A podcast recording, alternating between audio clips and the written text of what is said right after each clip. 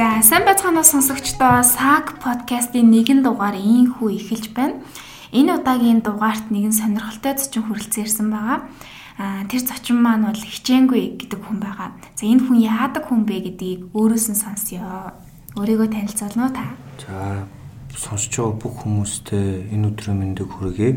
Аа намайг Бат даваагийн хичээнгүй гэдэг. Тэгээд аялах сонирхолтой их аялах их дуртай хүн Тэгээд э, боловсролын их сургуулийн оюутан юм хүн байгаа тий.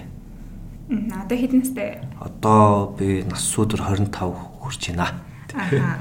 За аялах дуртай гэж энэ хамгийн анхны аялал нь хэдэн настайдаа эхэлж исэн бэ?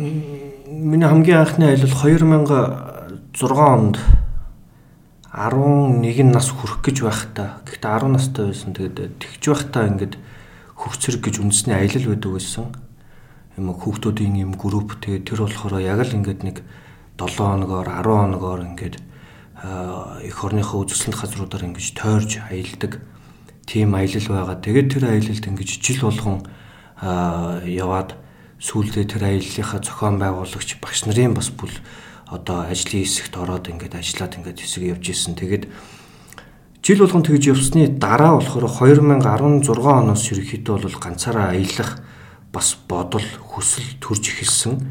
Тэгээд э, ерөөхдөө бол ерөөхдөө бол аялж эхэлсэн шалтгаан бол ийм бага тий түүх гэвэл тий. Хамгийн анхны бие даасан аялал нь хизээ эхэлсэн. Бие даасан аялал 2017 оноос эхэлсэн. Тэгээд 2017 онд явахдаа а Монгол улсынхаа 21 аймгийг тойрно. Тэгээд 21 аймагт очиж үзэх хүслээ бол тухайн үед бол биелүүлсэн. Тэр аялал болохоор нэг ойролцоогоор нэг сар 2 хоногийн хугацаатай үргэлжлээд тэгээд тэрний дараа бас зүүн өмнөд Азийн орнуудаар нэг 2018 онд нэг 3 э, сар орчмын хугацаатай нэг явж исэн. Ганцаараа аялсан уу? Аа Ерхэд бол дийлэхтэй бол ганцаараа аялсан. Тэгээд яг 2018 оны зүүн өмнөд Азийн орнуудаар аялахдаа замаасаа нэг аяллаа гişүнтэй болоод ингээд хоёулаа нэг сар орчим зүг аялсан байт юм а. Тэ.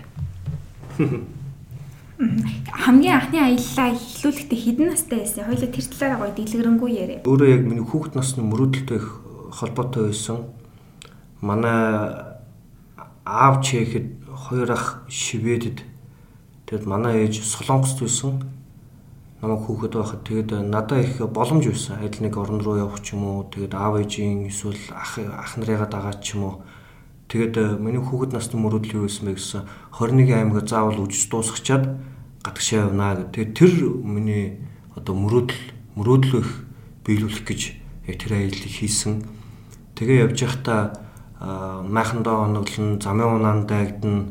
Тэгэд Монголынхоо энэ үзэсгэлэнт газруудыг очиж яг өөрийн биеэр очиж биднээс ямар гайхамшигтай үзэсгэлэнтэй байгальтай газар байд юм бэ? Биднээс ямар агуу түүхтэй хүмүүс юм бэ? Биднүүсийн соёл, ёс заншил, хүмүүсийн энэ амьдрал, аж ахуй өөрөө ямар онцлогтой юм бэ юм бэ гэдгийг одоо биеэрээ мэдэрч, ойлгож, туулж тэгж явж исэн. Тэгэд э, тэрнээс хойш ерөөхдөө бол аялах энэ сэтэл хүсэл маань улам бүр ингэж бадарч тэгэд э, түүнээсээ хойш ерөнхийдөө бол аялах их сонирхолтой аяллахаа хажуугаар бас их э, кайф одоо сэтгэлийн одоо юм цэнгэл таашаал одоо ингэж авах ийм нөхцөл рүү ерөнхийдөө бол ер нь чааш чааштай бол орж явсан байгаа даа тий. Би бас тантай ярилцсан өмнө таныг баг зэрэг судалсан л да.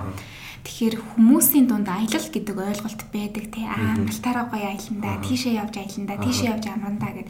Таны хувьд аялал гэдэг зүйл амралт биш юм шиг байгаа. Тэгэд өөрийнхөө өнцгөөс энэ аялал гэдэг үгийг тодорхойлоод хэлвэл Миний хувьд аялал гэдэг бол олон зовлон ер нь туулах гэж ер нь явдаг.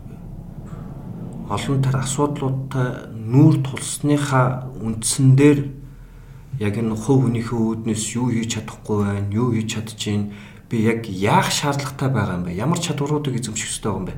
Миний сул талууд нь илүү харагддаг, миний давуу талууд ч гэсэн харагддаг. Тийм учраас Үнэн одоо ингэж зовж зүдэрч яг хүмүүс ингэж хэлдэг л дээ. Одоо ингэ заавал ер нь ингэж явах ер нь шаардлага байд юм уу ингэ тийм үү гэдэг яг тэгж явах тусмаа яг нь миний хувийн онцлог гэж магадгүй ингээд нэг юм ойлгодог тэгэд ухаардаг илүү их тийм сэтгэлийн хүч бяр суудаг. Тэр одоо өмнөө одоо тэр одоо юу гэдэг тулгамдаад байгаа тэр одоо тулгарсан тэр асуудлыг даван туулах арга ухаан тухайн яг цаг мөчд моментод орж ирдэг. Тэгээд э, яг аяллыг болохоор би ерөнхийдөө бол яг зовх гэж э, зохиомлоор тэгж зовх гэж бас асуудалд орох гэж тэрийг даван туулах гэж бол хийдэг. Мэдээж хэрэг байгалийн үзэсгэлэнг харна, бишрэн хүмүүстэй танилцсан хүмүүсийн нэг нэгэндээ хоорондоо харьцаж байгаа тэр характерыг хүртэл анзаарч бас газар газруудын соёл юм байт юм байна. Хүмүүс ерөөхдөө харилцаа нэг юм өөр байт юм байна. Гэх мэтлээ олон зүйлүүдийг ерөөхдөө бол анзаарч харах, ойлгох тийм үднэс л одоо энэ аяллыг ерөөхдөө бол хийдэг дээ. Монгол улсаа тойрч аялж дуусныхан дараа дэлхийн яг хэдэн оронгоор аялсан бэ? Би 9 улсаар аялсан. Хятад, Хонконг, Вьетнам, Макао, за Камбож, Тайланд, Малайз, Сингапур, Лаос гэсэн улсуудаар явсан. Тэгээд энэ хугацаанд ингээд 2018 онд явж исэн. Вьетнам руу зорьсон ажил яг хизээ эхэлсэн бэ? Вьетнамыг бол ягч би бол зориогүй. Аха. Гэтэ яг Вьетнамд очиж үзэх хэрэгтэй байсан. Тэгэд Вьетнамд очисон, надад таалагдсан. Тэгэд хамгийн сүүлд сая энэ жил явж байгаа дууг нь бас нэлээд том төлөвлөгөөтэй явсан. Тэгэд одоо энэ ковид гээд Вьетнамд бол яалтчгүй бас ингээд төлөвсөн хугацаанаас гадна ингээд 6 сар бол гатсан. Тэгэд энэ гацж байх хугацаанд бас их олон зүйлүүдийг бас ерөнхийдөө бол анзаарч бас явсан. Тэгээд Вьетнамд яг уу би гацсан тий. Хэдэн сар хугацаанд яаж гацав? Юу юу давж туулав? Хизээ их орондоо хүрээд ирэв. За ерөнхийдөө бол яг энэ аялал болохоор яг нэг 2020 оны 1 сарын 6-нд эхэлсэн. Тэгэд ингээ явахдаа бол нэг дэлхийн нэг 20 гаруй улсаар явна. Тэгээд цаашаа бол а одоо Мямар, одоо Непал, Төвд, Нийтгэг Тэгээд цаашаа тэр Пакистан ингээд ерөөхдөө бол нэг жоохон ойрхон дорндөө улсууд тэгээд Африкийн нэг хойд хэсгийн ингээд улсуудаар ерөөхдөө бол явах тийм төлөвлөгөөтэй байсан.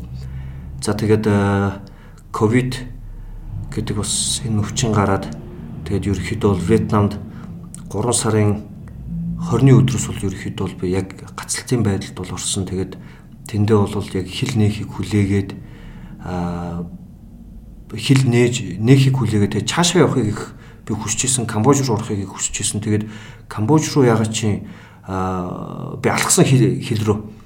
Тэгээд Камбож руу ингээд орох гээд ингээд би ингээд орох гэсэн юм гэсэн чи яг миний өмнөх одоо очсноос өмнөх өдөр яг хилээ хааж таарад тэгээд би одоо яг Вьетнамд бас гацаад Камбожийн хил рүү алхсан гэхээр хил рүү алхаж гарч болд юм уу? А ерөөхдөө бол яг зүүн Азийн улс орнуудын юунууд болохоор яг хуу нөгөө нэг хоорондоо нөгөө хиллээрээ ингээд нэг алхаад ч юм уу эсвэл газраар ингээд зүгээр ингээд ерөөхдөө бол гараа явчих нь болдог. Тэгээд ер нь бол яг тэгж зорьсон. Тэгээд би 2 өдөр алхсан ууг нь замдаа нэг хоноглоод тэгээд хоёр дахь өдрөө ингээд очисон чи өчтөр одоо хилаасаа чамааг одоо оруулах боломжгүй гэд тэгээд Камбожд Камбож руу орох төлөвлөгөө ерөөхдөө бол нурсан. Тэгээд тэр юу вэ? Яг зорилго нь яг юу байсан бэ гэвэл 4 сарын яг дундуур Кихмерийн шинжил гэж болдог яг Камбожийн үндэсний одоо манай монголоор ярих юм бол цагаан сар ч юм уу те.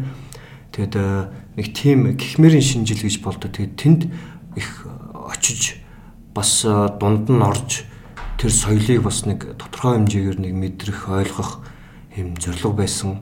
Тэгээ тэр маань бол гүйцэлтэйгөө тэгээд Вьетнамд тэгж гацаад хоёр удаа би тусгай нислэг өнгөрөөсөн. Одоо ингээд элчин сайдын яамтайгаа холбогдоод одоо визний хугацаа энэ төр дууссан барьсан. Ерөнхийдөө бол янз янзын асуудал ерөнхийдөө бол үүсч эхэлсэн. Тэгээд энэ өндөр манай элчин сайдын яам бас их маш сайн ажилласан. Аа тэгээд хоёр онгоцонд ерөнхийдөө бол би суухгүй гэд хүсэлтөө өгөхгүй одоо би хил нэхийг хүлээж байгаа маа цаашаа явна гэд тэгээд өнгөрөөсөн. Тэгээд 7 сарын сүүлээр 7 сарын 10-даар би буцаж элчин сайдын яамн дээр очиод ерөөхдөө бол цаашаа Камбожийн одоо хаант улс руу орох ер нь арга чарга юу байна эднес бас бас мисэр хүмүүс ер нь оруулаад байгаа юм байна гэд судалгаа хийж ингээд очисон. Тэгээд ерөнхийдөө бол яг судалгааныхаа материалууд за тэгээд дээрэс нь одоо тэр Камбож руу ер нь нэвтрэхэд одоо шаардлагатай бичвэр юм тэгэхэд янз янзын юмнуудаа ерөнхийдөө бол ингээд бүрдүүлсэн. Тэгээд 7 э, сарын 29-ний өдөр байна уу? Элчин сайдын яамнаас холбогдоод за ерөнхийдөө бол чи ерөөсөө одоо буцах өргөдлийн төр өгөөгүй байгаа маа. Тэгээ тийм учраас чи нэг юм яаж мэдэх өгчөө дараа нь бас нэг ямар нэг асуудал гарах юм бол нэг хүсэлт өгсөн байсан гэд нэг тиймэрхүү бичиг цаастай байж байх хэрэгтэй гэд. Тэгэд би нөгөө нэг амьдарч исэн газраа буцаж очиод ерөнхийдөө бол бүх олсон мэдээлэл янз янзын юмдаа ингэж дүгнэлт анализ ингэж хийж исэн. Тэгээд Камбож руу нэвтрэхэд надад 3000 доллар шаардлагатай байсан. Тэгээд тэр 3000 доллар нь яг яах ёстой байсан бэ гэдгсэн аа би бизнесийн визээр орох боломжтой. Ерөөсө ганц нэвтрэх боломжтой арга нь. Тэгээд бизнесийн визээр нэвтэрч байгаа учраас барьцаа 3000 доллар гэж заавал төлөх ёстой. Тэгээд нөгөө тусгаарлалтын 14 хоног 14 хоног байдсан шүү. Тэ 14 хоногийнхоо одоо тэр зардал мөнгөний төлөө тэгээд ерөөхдөө бол орох тийм боломж бол байсан. Тэгээд 3000 доллар надаа ингээд яг олдохгүй тэр одоо юу юм бэ нэг 9 орчим сая төгрөг юм уу да. Тэгээд ийм санхүүгийн ингээд хүндрэл заа ингээд нэг ийм бэрхшээл ингээд тулгарцсан яа даа гэд байжсэн чи яг 7 сарын 29-нд элчин сайдын яамнаас холбогдоод ингээд за та ингээд 8 сарын 6-нд Монгол руу буцах туслахаа нислэгийн одоо ингээд юунд одоо багтсан байна? Та явах уу гэсэн тэгээд би яг сайн яг тухайн үедээ би яг ихтэлтэй байгаагүй. Яг яах ёстой мэдгүй би цаашаа явах хэрэгтэй байдаг тэгээд э, буц яг энэ нөхцөл байдлаа анзаарах юм бол буцах бас нэг юм боломж байгаад байдаг тэгээд тухайн үед яг яг 7 сарын сүүлээр Вьетнамд яг энэ ковидын 2 дугаар давлгаа ерөөхдөө бол эхлээд дахиад юмнууд хаагдаад эхэлсэн байсан яг нөгөө нэг яг үзрүүлжлэг ч юм уу бүх юмнууд ингээд бүр хаагдаад ингээд бүх хүмүүс ингээд яг тийм айцтай төвшүүрэн байдалд орсон. Тэгээд ерөөхдөө бол тийм нөхцөл байдлын хувьд яг тийм нөхцөл байдал үүссэн байсан учраас л ерөөхдөө бол тэгээд ирсэн дээ. Энэ ковид 19 гэдэг цар тахлаас монголчууд байтугай дэлхийн нийтээрээ хийсэн. Гэс чи та айгаагүй бүр цаашаага явах гээд байсан. Яг үнэндээ улс суурьтай ярих юм бол ямар нэгэн эрсдэл хурж ирээ тэр өвчнийг тусчих юм бол энэ амь насны чи аюултай асуудалхгүй. Тэгээд тэр Камбожийн хөлийг давах нь цаашаага явах нь таны амь наснаас үнэтэй байсан юм уу? Ерхэд бол яг зориг байсан. Тэгэд би яг л өөрийгөө ингээд анзаарч хад яг хүүхэд наснда тавьсан зориг мөрөөдөл бүрийнхээ араас би одоо хөөцөлдөж явж байгаа. Заримд нь би хүрсэн, заримд нь хүрэхгээ явж байгаа. Заримыг нь одоо биелүүлээ явж байна. Тэгээ яг л нэг тийм зориг мөрөөдөл гэдэг зүйлийнхээ хойноос ингэж чаргууцалддаг, зууралддаг. Тэр ямар ч бэрхшээл байсан нэг юм давчи за нэг оролдоод үзье гэсэн нэг тийм юм сэтгэл зүүн одоо бэлтгэлтэй ерөөхдөө бол өөрийгөө ингэж их бэлддэг. Тэгээд яг хуу яг нөхцөл байдал одоо ингээд энэ өвчний нөхцөл байдлыг ерөөхдөө бол ингээд анзаархад зүүн өмнөд Азийн улс орнууд бол ерөөхдөө харьцангуй бага байсан. Ерөөхдөө харьцангуй бусад улс орнууд. Гэхдээ яг тодорхой хэмжээгээр яг Тайландд байна, Малайзд байна, Сингапурт байна, Филиппинд байна, Индонезид байна. Яг ингээд нөхцөл байдал хүндэрсэн улсууд байсан. Яг тэр Вьетнам, Камбож, Лаос гэсэн улсуудад яг ковидын одоо юу гэдэг яг тийм юу бол яг хяар одоо одоо хяараараа тийм ээ бүр ингээ бүр нийтээрээ тэгж яагаагүй ерөөхдөө бол нэг нэг 1000 2000 3000 1000 2000 3000 ерөөхдөө бол тоон ерөөхдөө бол бага байсан учраас цаашаа явхад ерөөхдөө бол боломжтой юм байна. Аа тэгээд ингээ явж итэл ерөөхдөө бол энэ цаад улс орнуудын нөхцөл байдал жоохон намжаад хилүүд нэгтчих бах. Тэгэхээр би ер нь цаашаа яваад энэ итгэх рүү орно гэж тооцоолж исэн боловч одоо энэ итгэх одоо юу гэдэг нь одоо 5 сая орчим хүрж байна одоо одоо Тийм. Тэгэд яг одоо яг энэ аяллаа бол 2.5 жилдээ эсвэл 3 жилдээ яг төрдөө зогсоогоод одоо бэлтгэл ажил илүү бяр орж илүү их өөрийгөө дахиж нөөж хүчтэй байж байгаад би эргэж ерөөхдөө бол замдаа гарна гэж ерөөхдөө бол шийдсэн байгаа тийм. Аа. Одоо боловсролын сургуулийн оюутан гэж юм тий. Хэдгээр дамжааны оюутан ямар чиглэлээр сурдаг вэ? За би боловсролын их сургууль Түүх нийгмийн ухааны багшаар сурж байгаа. Тэгээд э, би 2013-аас 2015 онд суралцж байгаад тэгээд сургуулаа орхисон. тэгээ сургуулаа орхиод бас нэг ажил төрөл энэ төр хийгээд бас ингэж ингэж явж байгаа. Тэгээд за ерөөхдөө бол аялье гэх тэгээд ерөөхдөө бол ажиллаач бас давхар хажуугаар нь хаяад за ерөөхдөө бол явах хэрэгтэй юм байна гэд. Тэгээд ерөөхдөө бол яг нэг 4 жил орчмын 4 5 жилд нь ч юм уу ерөөхдөө бол яг ингэж нэг юм аялдаг ийш тийшээ явдаг. Яг тэрнийхээ ингээд юм хобби бүр тэрийг ингээд хөгжүүлж ингэж нэг хэсэг явсан. Тэгээд нэгэнт ингээд Монголд буцаж ирснэх би сургуультай өргөжлөө суралцах хэрэгтэй. Яг тэгвэл манай өвөө бас мундаг юм багш хүн байсан яг түүх заадаг, газар зөө заадаг. Тэгэд би имэдээ одоо амлсан амлалт байсан. Одоо би өвөөгөө мэрэгчлэг одоо өвлөж авнаа. Тэгэд би сайн багш болноо гэд. Тэгээд би одоо имэдээ тавьсан амлалтанда одоо хүрэх гэж явж байгаа тий 3 дугаар курстэй. Тий. 3 дугаар курстэй тийм. Аа 2013-аас 15 онд суралцаж байсан гэж энэ хүнд ер нь ингээ олон олон сонголтууд гарч ирэхээр эхнээс нь бодож эхэлдэг шүү дээ. Тэгээд нэг тунгааш тунгаацсныхаа эцэст сонгосон сонголт руугаа явдаг. Тэр үед бол танд сургууль, ажил, аялал гэсэн сонголтууд байсан юм байна тий. Ер нь сургууль боловсрал гэдэг чинь бас тэр болгон хайж болох сонголт биш шүү дээ. Тэгээд тэр үед яг юу бодож исэн? Тэр үед яг нөгөө нэг дийлэнхээр л яг заримдаа нөгөө залуучууд их сургууль ерөөхдөө бол хэрэггүй штэ гэдэг нэг юм тийм их сургуульд хүнд хэрэггүй зүгээр нэг юм байхад л ер нь болчтой штэ л гэдэг нэг тийм хандлага ерөөхдөө бол байдаг. Тэгээ яг тэр э, хандлагын нэг жишээ буруу хандлага тэгээд э, хүн мэдлэгтэй байх хэрэгтэй. Чи яг юу сонирхоод байгаа юм тийм ээ? Яг тэр чиглэлийнхээ мэдлэгийг илүү гүн гүнзгий авч бас ойлгох хэрэгтэй тэгжиж ерөөхдөө бол яг цаашдаа бас илүү хамжилттай байна бах. Хувьдаа одоо ингээд би нэг сүүлийн 5 жил ингэж би аяллаа. Бас тодорхой хэмжээгээр бас юм туршлага бас нэг ойлгосон, ухаарсан хүмүүсийн ерөөхдөө бол нэг харилцааны асуудлыг ерөөхдөө бол нэг гадралдаг ийм одоо ийм хувь өнийхөө үүднээс нэг жоохон бас юм ойлгосон учраас энийгээ бас хүүхдүүдэд сурагчдад ерөөхдөө бол зааж чиглүүлж нэг үлгэр дуурайл болгож хүүхдүүдэд эх орноо хайрлах тэр сэтлийг өгч эх орноороо тэр аялах тийм сэтлийг бас ингэж өгч тэднүүс ингэж урам зориг хүсэл мөрөөдөл зоригдоо үнэж байхын одоо тэр учир шалтгааныг илүү тайлбарлаж их л зөв хүн болж их төлөвшүүлэхэд л би ерөнхийдөө бол анхаарах ёстой гэж би өвдөө ер нь боддог тийм. Таны хувьд зөв хүн болгож төлөвшүүлэхэд ер нь өөрөөр нь зорхоор нь тавьчихсан дээр юм уу аль эсвэл сур гэд барьсан дээр юм болов сур гэхээсээ илүү сур гэж одоо ингэж шахахаасаа илүү суралцах тэр сэтлэг өгөх хамгийн чухал. Чи үнэхээр яг мундаг бизнесмен хэрвээ болох гээд ингээд мундаг чи ингээд юу гэдэг юм болох ч бол чи эдийн засаг судлах хэрэгтэй Аа эсвэл чи мундаг зохион бүтээгч болъё гэх юм бол физик ч юм уу, хим ч юм уу ийм хичээлүүдийг чи судлах хэрэгтэй. Тэгэхээр хүүхдүүдэд яг тэр сурах сэтлийг өгөх нь айгүй ингээд чухал. Таныг бол би бас нэг тоотой дүү хүмүүс нөлөөлж чаддаг болчихсон хүн юм байна гэж харж байгаа байхгүй юу. Учир нь юу вэ гэх юм бол манай хас 18-ийн нэгэн дугаард хоёр аялагч хүү орсон байгаа. Тэр хоёр хүүтэй подкастынхаа дараа өмнөж тэр ингээ ярилцаад ер нь яг яагаад аялахаар болсон гэсэн чинь манай хичээнгүүгээд нэг юм ах байд юм а. Энэ хүнээс л ийм их юмнуудыг сонсож мэдэж аваад аялах хүсэлтэй болсон юм а. Тэгээд аяллахаа арт амжилттай гаргахад энэ хүний үгнүүд хамгийн чухал үнэтэй байсан юм а гэж хэлж ийсэн.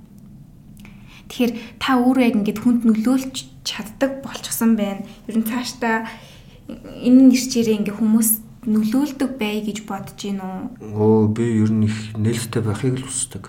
Нэг ингээч тэгээч за нэг ингэхгүйгээр тэгээд хүмүүст яг хэрэгтэй юм байвал би чадхаараа бүх зүйлээ би зориулна. Яг үнэхээр хэрэгтэй ингээд байх юм бол а сансар мөрөн одоо тэгээд сая энэ жил бас мөнх тамир гээд бас нэг 11 дугаар ангийн хүүхэд 21 аймагаараа тойрлоо. Тэр хүмүүс хүсэж байхад тэр хүмүүсийн хүсэл зорилгыг дэмжих хэрэгтэй хин нэгэн энэ заавал э, одоо нэг мөнгө төгрөг өгтөө ч юм уу эсвэл нэг заавал за мундаг хүн болоорой гэдэг ингэхээсээ илүүтэйгээр би энэ хүний хүсэл мөрөөдлийг дэмжихэд би юу хийж чадах вэ? За ингэн зөв үү буруу юу гэх мэтлээ. Энэ их хэцүү ялангуяа энэ хүүхдүүдийг ингэж аялалд ингэж явна барина гэдээ одоо зөвлөгөө авахт авъя гэд ирээд ингэж уулзахт нь хэцүү байдаг надаа. Янз янзын асуудал тулгарна. Тэгээд үнэхээр ингэж хүсчихвэл яг би зөвлөгөө өгдөг. Би мэдэх бүх зүйлээ би зааж зөвлөдөг. Тэгээд сонголтыг нь би өөртөө л үлдээдэг. Чи явж ч болно, явахгүй ч гэж болно те. Гэхдээ их боломжтой байх хэрэгтэй. Их хэцүү байдаг те. Аа таныг судлахын тулд би таны нөгөө Facebook хуудас руу орсон л доо. Тэгээд тунгаагч хичээнгүй гэж хаягтай байд юм байлаа. Тэгээ яагаад тунгаагч гэж нэрлсэн бэ? Энэ үгэнд их утга учир байна уу? Аа тэгэлгүй яхав тэгээд яхав өөр дээрээ болж байгаа зүйлс бас өөрийн мөн чанар, өөрийн зорилго, өөрийн энэ сэтгэл хөдлөл мэдрэмжүүдийг ингэж тунгааж бодож аль болох ингэж зөв замыг сонгохыг хичээдэг. Одоо ингэж юу н хараад байхад миний сонголтууд бүгдээрээ зөв байсан гэж хэлэхгүй ч гэсэн дийлэгт ерөөхдөө бол зөв байсан. Тэгээд их л нэг юм хийх гэж байгаа зүйлээ их л юм бодож төлөвлөж ерөөхдөө бол их хийдэг болохоор одоо нэг л зүг нэг тийм нэр одоо өөртөө өгс юм да тий. 9 орноор аялсан, 21 аймгаар аялсан. Аялж явах хугацаанд мэдээж маш олон хүмүүстэй тааралцсан байгаа, дайралцсан байгаа. Тэгэхээр за нэгдүх асуулт нь болохоор Монгол оронд ингээд хүмүүстэй аялж яхад таарад нэг хүнээс тусламж гуйхад ч юм уу нэг хүнтэй тааралтай юм ярьж байгаа. Тэр хүмүүсийн хандлага яг ямар байдгийг түүнээсээ гадагшлаад өөр улс орнуудын хүмүүстэй юм ярьж байгаа. Тэр хүмүүсийн хандлага ямар байдаг? Юу гэж ажигласан бэ та? Монголд монгол хүмүүс хүүхдүүд ингээд үргэлжлэн өрөөд ингээд аялахаар монгол хүмүүснээ хитгэдэггүй Хөөе чи юу өвөр монгол үгүй чи ямар сони юм бэ? Монголчууд ингэж тэгээд тэгээд яг энэ чиглэлийн ерөөхдөө бол одоо хандлага шинэ хандлага юм бас юм тренд гарч ирж байх шиг байна 21 аймгаа тойрдог. Тэгээд э, монголчууд их Монголд их сайхан байдаг. Их хилгэмсэг хүлээж аван туслана. Яг хөө заримдаа яг хөө тэгээд олон хүн тэгээд э, олон хүн дунд ингээд сайнтайч муутайч хүмүүс байна. Тэгээд заримдаа бас ингээд ганц нэг одоо мерсээр одоо буруу тохиолдлууд одоо гарч ирнэ. Бусдаар бол ерөөхдөө бол гайгүй байдаг. Тэгээд э, гадны улс орнуудад ялангуяа зөв өмнөд Азийн улс орнуудад одоо бас л ийм өргөвчтэй аялагч нар одоо ингээд зөндөө байдаг учраас ерөөхдөө бол нэг дүжирцэн тэгээд ингээд тэмэл ерөөхдөө бол байт юм байна лээ. Гэхдээ яг бас манай монголчууд илүү цайлган байдаг. Илүү цайлган байдаг. Тусалсныхаа ар дээрээс юм хардаггүй чин сэтгэлээсээ ингэж тусалж чин сэтгэлээсээ ингэж хооллож, ундлаж чин сэтгэлээсээ ингэж залбирч цайныхаа дээжийг өргөж ингэж сайн сайхан үг хэлдэг. Яг хав гадаадууд ч гэсэн яг хав тийм хүмүүс байна. Гэхдээ бидний монголчууд үнэхээр гайхалтай тий. Гадны хүмүүсийн хандлага бол монголчуудын нөө нэмжин сэтгэл гэж ярьдаг шүү дээ. Тэрийг бол гүцэхгүй юу? Тэглгүй яхав, тэглгүй яхав. Биднээс бас нэг тийм сөөр өгөгдөл нэг юм хүнд туслах нэг айлчин гिчин ирэхэд нэг хооллоо дундлаад нэг явуулдаг нэг нэг тийм соёл бас байгаа шүү дээ тий. Бадарчин гэдэг нэг үг байдаг тий. Тэгээд нөө аялсан нэг хөвгөн мөрөнгөөс асуусан чи яг энэ үгний нэг тийм утгыг ярьж өгж байгаа хгүй надад. Тэгээд ер нь ингээ явж яхад балагчийн авсан гад бадарчин авсан газар балаг тавирдаггүй гэж монголчууд нэг зүгээр нэг ярьчаагүй юм шиг байлээ. Энэ үг өөр ийм утгатай юм шиг байлээ гэд надад хэлчихсэн. Тэг хүмүүсийн хандлага ч гэсэн нөө а ингээд их сүжлээ явж байгаа энэ Баатарчин одоо дээр үеийн хэрэг бол Баатарчин одоогийн хувьд бол нөө хуваараа би дагаа аялаа явж байгаа хүмүүс хэлж байгаа байхгүй. Тэгээд энэ хүн хурж ирж байгаа нэг сайн дагуулж ирэхгүй дээ гэсэн хандлага гаргадаг хүмүүс байдгийн шүү гэж хэлж ирсэн. Тантай тийм хүн таарч ирсэн үү?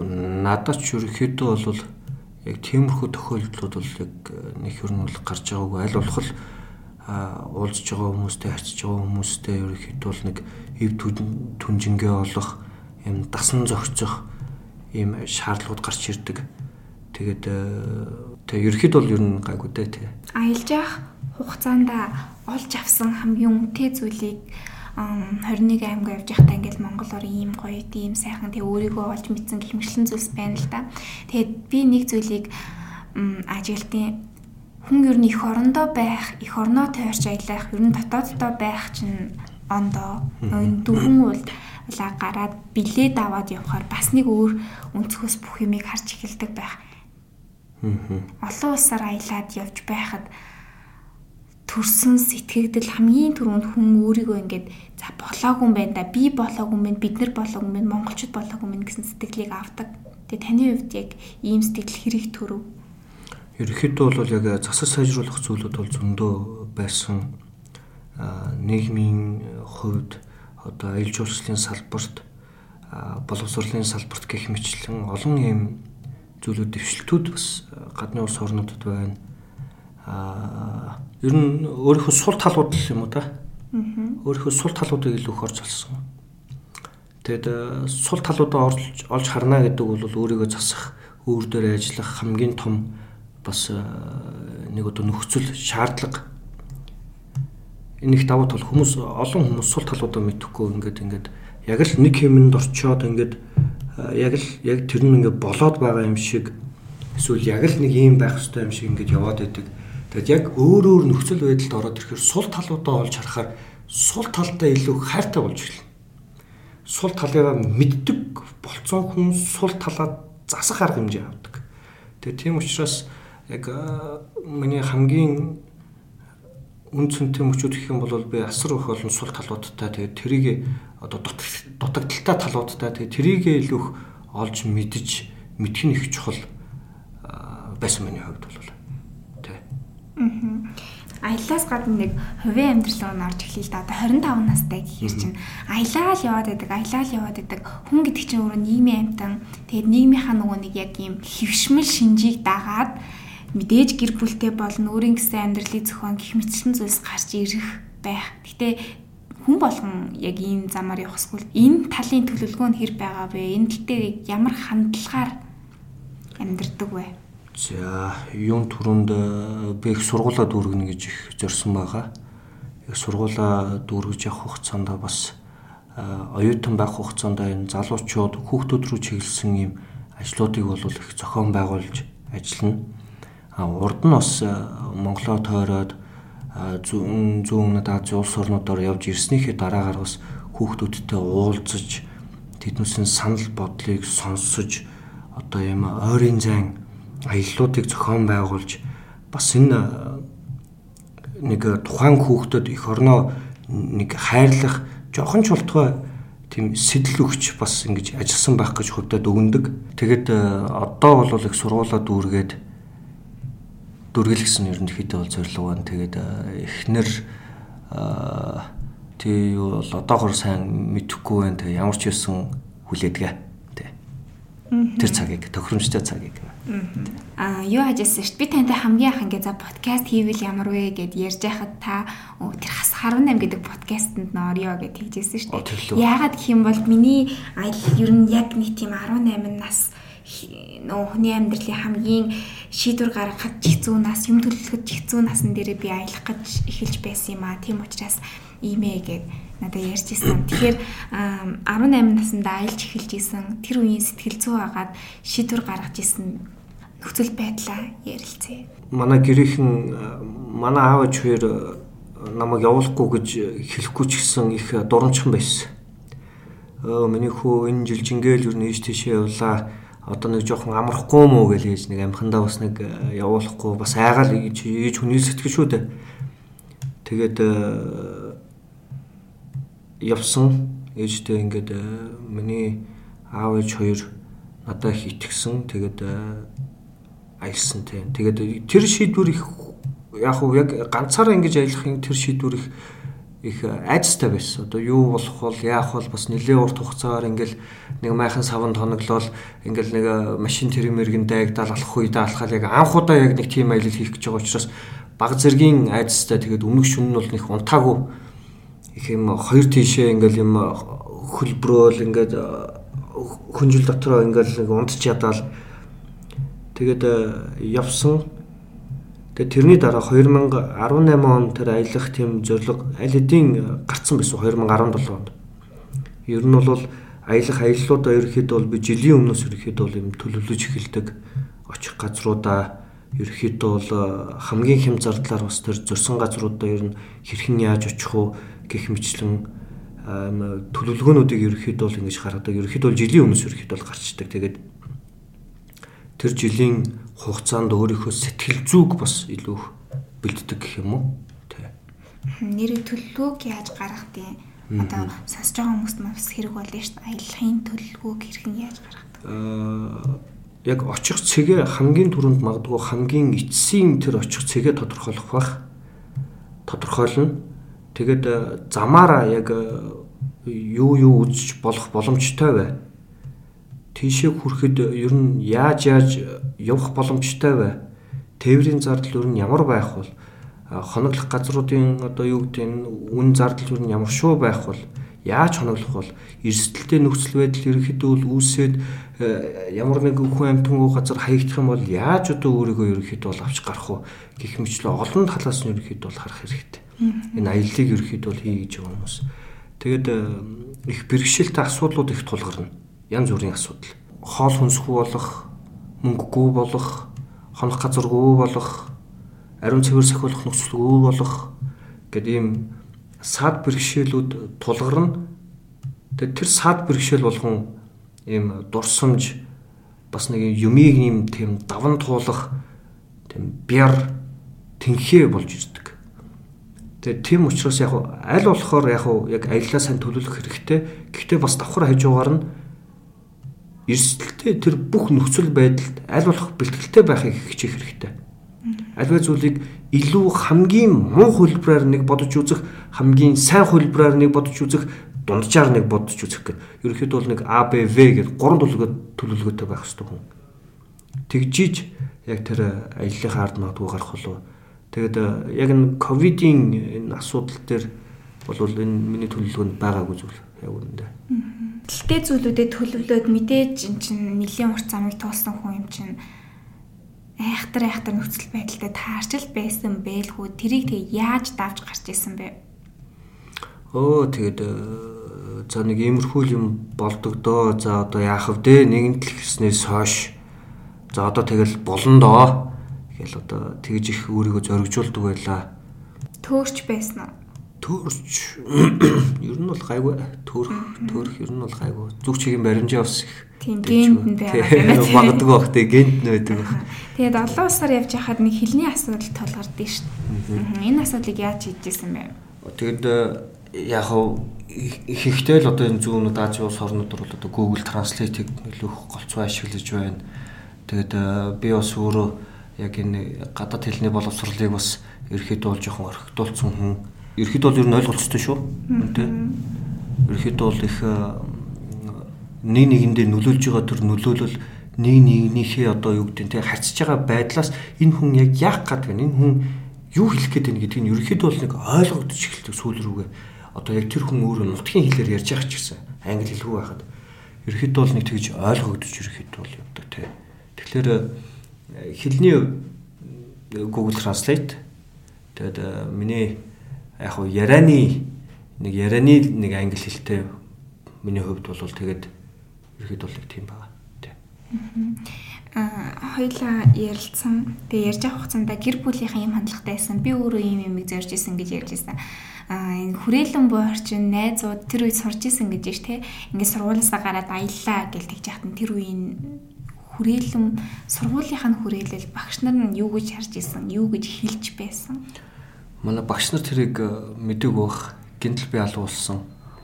Тэгээд э, би аав ээж хоёрт маш их баярлаж явдаг. Яагаад вэ гэвэл намайг яг өөр өөрийнхөө байх өөрийнхөө төр зорьсон юмныхаа араас хүүцдэг төр боломжийг надад олгодог. Ямар нэг байдлаар хорж цагддаггүй. Боломжийг олгодог хэрнээ хариуцлага алдах юм бол тэрийг нь би өөрөө үүрэн шүү гэдгийг надад ойлгуулдаг. Нөхөр минь хичээнгүү чи өөрөө өөрөө шүү гэж ойлгуулдаг. Тийм учраас би сонголт хийж болно сонголт хийхдээ би хариуцлагатай сонголт хийх ёстой. Тэрнийхээ би эс нь болох ёстой. Үр шимтэй байх юм бол би тэрнийхээ үр шимийг л би өөрөө авна шүү дээ. Юм ойлгож ухаарал мэдрээл инглээ тэглээ. А хохирох юм бол би л өөрөө хохирно шүү дээ. Эрүүл мэнд дээрээ амь насаараа магадгүй. Тэгэхээр ийм учраас их надад юм сонголтуудыг өгж ирсэн. Миний өөрийнхөө тэр байх тэр боломжуудыг өгж ирсэн. Тэгээд хүрээлэл их л баярлж ирсэн намайг. Ер нь аяллаа ер нь аялаа аялаад яваад ирлээ гэхээр их л баярлаж их хүмүүс их бахархаж их харцдаг манай дүүнөр найз нар манай зарим багш нар яг уу зөндөө олон одоо энэ ингээд аялдаг залуучууд хүүхдүүд бас гарч ирж байна. Яг тэр хүмүүс бас адилхан л мэдэрдэг баг. Тэ. Аа нэрээ нэг сонин зүйл байна. А 2013 онд сурж исэн. Тэгээ сургуулаа хийсэн. Одоо дахиад сурж байгаа. Тэр үед нэг хичээл үзчихсэн. Хүн чинь нэг 16 7 8 татаа сурах өөр, дахиад 20 гарчаа сурах өөр байдаг шүү дээ. Таны хувьд яаж мэдрэгдэж байна юм? Би их сайн суралцж байгаа. Их хичээл суралцж байгаа. Хичээл дээр их идэвхтэй юмыг их ойлгож их дүн шинжилгээ хийж багш нартайгаа бас нэлээд их харьцаж байгаа. Тэгээд ерхэд бол их би их сайн сурч байгаа тийм Ерхэд хандлага их өөрчлөгдсөн байна ер нь хичээлдээ хандж байгаа хандлага а ойлгож байгаа зүйл одоо хичээлийн одоо лекцэн дээр одоо суугаад ойлгож байгаа зүйл их өөрчлөгдөж ерөөхдөө тийм болсон байна. Тэ. Их сурах арга барилыг бас их дэжгүй эзэмсэн байна өнгөрсөн хугацаанд тэ.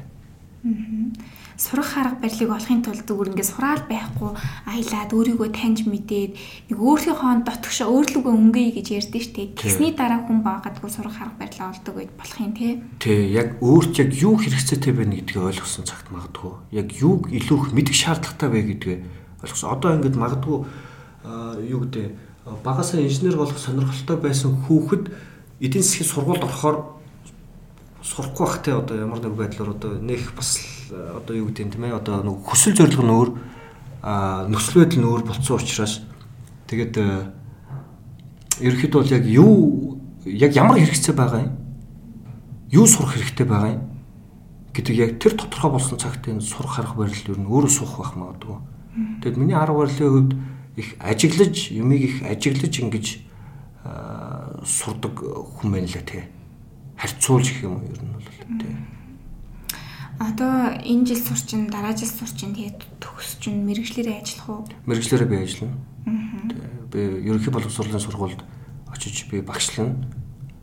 Хүүхдүүдэд би үлгэр дуурайлуулна. А ер нь цааш та аяллийн төлөвлөгөө болон нэлийн хоошоо тавигдсан байгаа юу те? Тэгээ ерөнхийдөө бол нэг яг юм урт хугацааны аялал нэг 2.5 жилээс 2.5-аас нэг 3 жилдээ бол юм урт хугацааны аялал бол байхгүй бах. Тэрнээс өмнө бол аяллуудын жишээ нь одоо эх хичээл одоо 21 аймага дахиж юм тойрох одоо ерөөхдөө бол төлөвлөгөөтэй байна. Тэгээд энэ хугацаанд бас яг ингээд илүү бас жоохон хүн үнцгийг яг нутгийн иргэд рүү орж өнгийж соёлыг нь бас давхар ингэж судалж одоо ингэж яваад одоо тэр сансар мөрөн хоёр дүү байна. Тэгээд мөнх тамир гээд одоо энэ бас дүү энэ дүүнэртэйгээ нийлж чад яг 21 аймгаар аялах тийм сонирхолтой өөр өвчөө өөрөө тэр аялах сонирхолтой хүүхдэд зориулсан ном гаргая. Үнгүү бэлэглээ. Үнэхээр ингээд аялах чи яг үнэхээр аялахыг хүсчихвэл чи энэ номыг үнгүү ав. Чи зүгээр ав. Чи очисон газруудаа засаг даргын засаг даргын ч юм уу эсвэл аялал жуулчлалын газрын хүмүүсээр тамгаа даруулад тэгэд өөрөө тэр номон дээрээ тэмдэглэлээ хийгээд тэгээд чи энийг өөртөө бэлэг болгоод ав тэр номон дээр юу яах вэ гэхээр энэ гурван нөхрийн одоо аялж исэн түүх зөвлөгөө байх юм байна маршрут байх юм байна. Яг нэг тийм нэг юм жишээ ч юм уу эсвэл нэг тийм жишг маршрут гаргаад өгч л доо. Та өнөхөр 21 аймгаар аялах жавал за энэ газараас ингэж ингэж яваад ингэж ингэж ингэж ингэж тэнд очиороо тэнд очих юм бол тийм тийм тийм газар угаа тэр газрын түүхэн энэ ийм одоо юу гэдэг байгаль цаг уурын нөхцөл байдал нь тийм за түүхэн ийм онцлог нь байгалийн тогтцсон юм гэд тэрийг тайлбарлал өгч. Тэр тэрийг хүүхдүүд явж явах хугацаанд уншин дээр нь тэмдэглэлээ бичнэ Тэгээд э, тэр очисон газар очисон гэдгийг одоо баталгаажуулах үүднээс одоо тамга даруулах юм байна. Тэгээд энэ мэтчлэн одоо ийм хүүхдүүд рүү чиглэсэн, оюутан залуучууд руу бас ингэ чиглэсэн ийм ажлуудыг ерөөхдөө төлөвлөлөөд юу явж ин да. Аа ярилцлагын ихэнд хэлжсэн миний хорон ямар гоё байгальтай юм бэ? Яасан гоё уулстай юм бэ гэд яг эндээс чинь нэг тийм их оронч үзлийг үзлийгтэй би өөрөө олж харсан. Яалтчгүй та нэг их оронч үзэлтэй гадагшаага биш дотгошоогоо өмөлцдөг хүн байх гэж би анзаарч байна. Энэ зөв үү? Зөв зөв төлөвлөгөө яах вэ? Цаашдаа тэгвэл яг энэ их орондоо юу хийчмээр санагдаж байна. Хийж чадах хамгийн сайн чадах зүйл чинь юу вэ? Надаа надад 20 жилийн төлөвлөгөө байдаг. Тэгээд тэрэндээ хүрэх гэж л их явж байна. Тэгээд тэр 20 жилийн төлөвлөгөөнд их орны нийгмийн асуудлууд бас их орж ирж байгаа. Тэгээд би энэ зорилгод би гүйцэлдүүлнэ.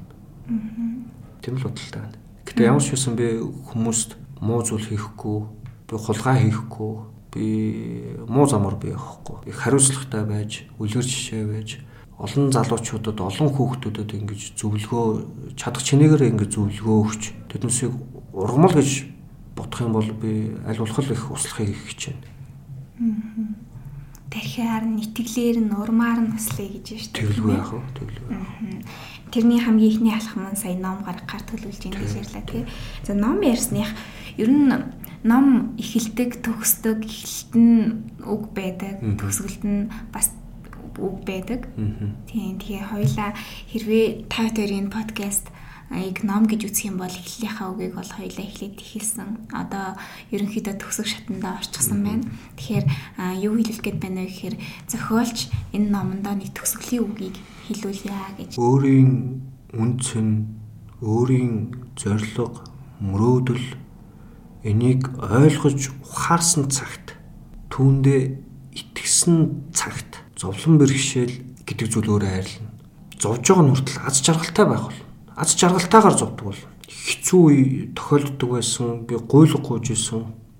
Олон хүмүүсээс зөндөө олон Монгол ахын дүүс найз нөхөд дүүнер маа надад ингэж итгэл хүлээлгэж туслаж дэмжиж байсан. Хооллож ундлаж байсан. Тэр бүх хүмүүстээ маш их баярлалаа. Би та бүхний энэ итгэлийг та бүхний энэ их сэтгэлийг би заавал ямар нэг байдлаар нийгэмдээ хүртээмжтэй байдлаар би та бүхэндээ би эргүүлжүүлэх болно. Тэгээд хүүхэд залуучуудад хэлэхэд зоригтой байгаараа мөрөөдөлтэй байгаараа түүнийхээ хойноос гүй алах бүр болохгүй бол араас нь мөлх. Тэгээд э, дуртай зүйлээ хийж хахад зовлон хүртэл амттай байдаг л гэж бодод дуусгая да. Баярлалаа. Цаашдын аяллаа төлөвлөгөө, 20 жилийнхэн төлөвлөгөө, номны төлөвлөгөө бүгд бүтэмжтэй байгаасаа гэж хүсэн ерөөй. Төлөв яах вэ? Ирж ярилцсанд маш их баярлалаа. Та баярлалаа.